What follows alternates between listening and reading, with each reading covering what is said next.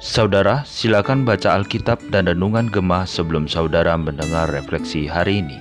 Shalom, jemaat yang dikasih oleh Tuhan. Apa kabarnya hari ini? Yuk kita berdoa dulu untuk merenungkan firman-Nya. Bapa dalam surga, kami bersyukur hari ini kami boleh berjumpa lagi dalam refleksi Gemah dan kami rindu Tuhan boleh bertumbuh bersama-sama di dalam perenungan kami akan kebenaran firman-Mu. Biar itu boleh terus membawa kami dalam pertumbuhan rohani yang sehat di hadapan Tuhan. Di dalam nama Tuhan Yesus kami berdoa. Amin. Jemaat yang dikasih oleh Tuhan, hari ini saya akan membacakan kitab Mika pasal yang kelima ayat 1 sampai 4a. Tetapi engkau, hai Bethlehem Efrata, hai yang terkecil di antara kaum-kaum Yehuda, daripadamu akan bangkit bagiku seorang yang akan memerintah Israel, yang permulaannya sudah sejak purbakala, sejak dahulu kala Sebab itu ia akan membiarkan mereka sampai waktu perempuan yang akan melahirkan telah melahirkan. Lalu selebihnya dari saudara-saudaranya akan kembali kepada orang Israel. Maka ia akan bertindak dan akan menggembalakan mereka di dalam kekuatan Tuhan, dalam kemegahan nama Tuhan Allahnya. Mereka akan tinggal tetap, sebab sekarang ia menjadi besar sampai ke ujung bumi, dan dia menjadi damai sejahtera. Saudara yang dikasih oleh Tuhan, kitab Mika ditulis di dalam situasi umat Tuhan sedang ada di bawah hukuman. Tentu saja hukuman diberikan oleh Tuhan Allah kepada mereka karena mereka tidak taat, karena mereka tidak mau mengikuti Tuhan. Mereka memilih jalan mereka sendiri.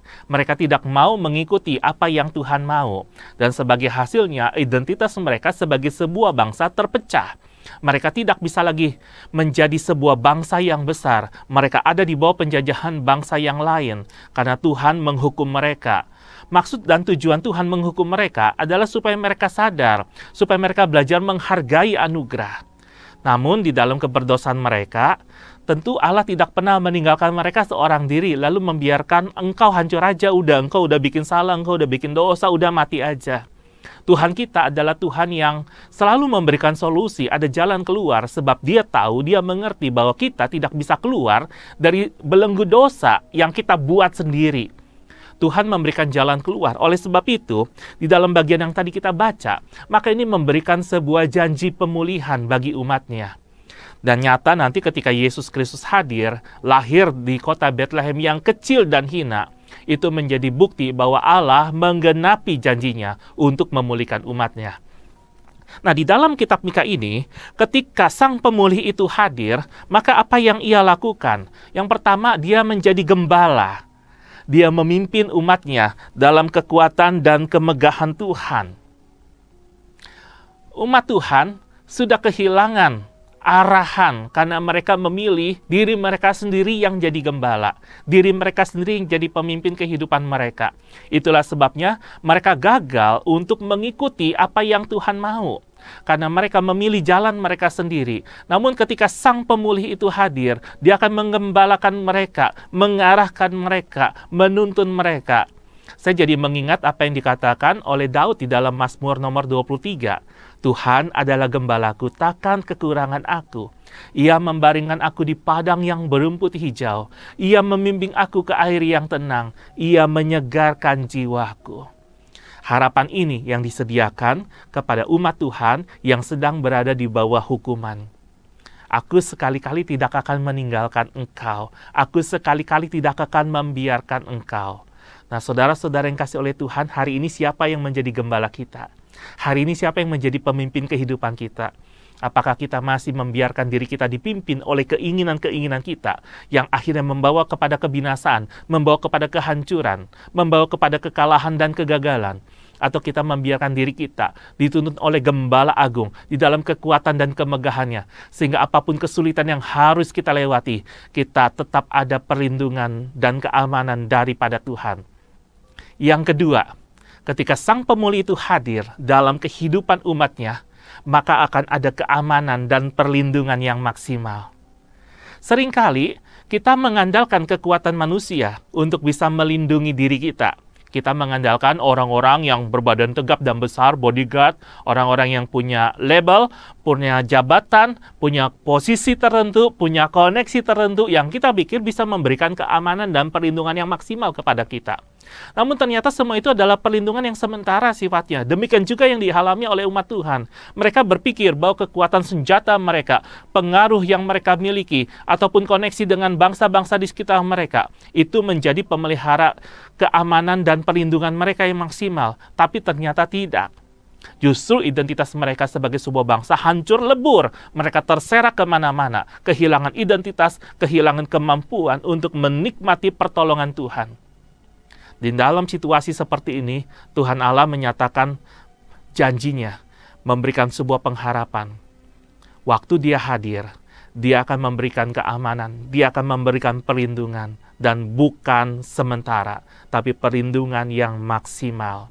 Bagaimana dengan kehidupan kita hari ini? Hari ini siapa yang menjadi pelindung kita? Hari ini siapa yang menjadi jaminan keamanan hidup kita?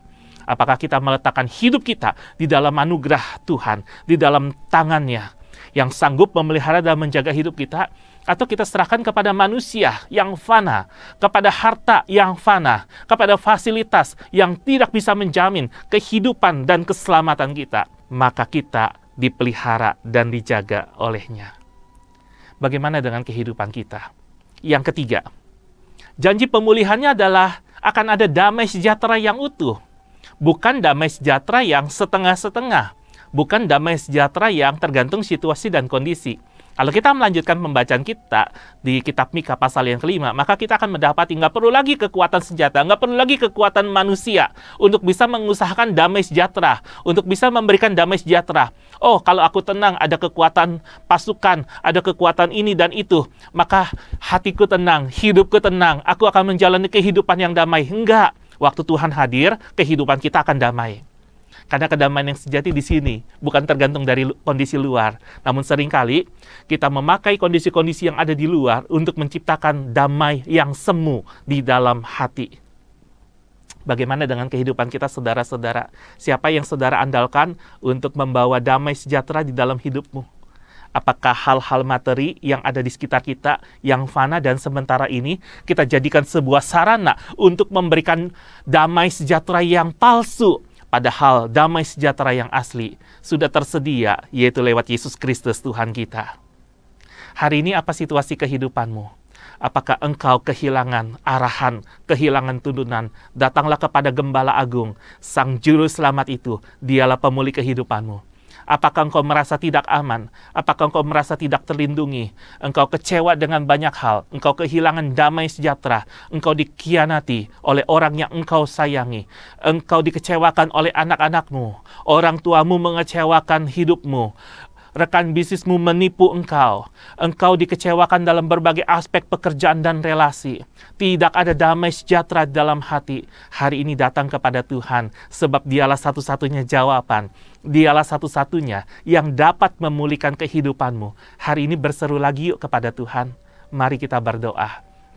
Bapa dalam sorga, kami berserah kepada Tuhan. Engkaulah pemulih kehidupan kami. Engkaulah penyelamat kami. Engkaulah gembala kami. Engkaulah satu-satunya yang dapat memberikan damai sejahtera yang utuh, keamanan dan perlindungan yang maksimal di tengah-tengah situasi yang mencekam sekalipun. Oleh sebab itu kami berserah kepada Tuhan. Apa pun situasi kehidupan kami, Tuhan adalah jawabannya. Oleh sebab itu tolonglah kami untuk selalu datang kepada Tuhan dan biarlah biarlah Engkau menolong kami pada waktunya, sehingga kemuliaanmu, kehendakmu, kasihmu nyata di dalam kehidupan kami. Berkati kami sepanjang hari ini ya Tuhan, di dalam nama Tuhan Yesus kami berdoa. Amin. Tetap semangat menjalani hari ini. Tuhan Yesus menyertai.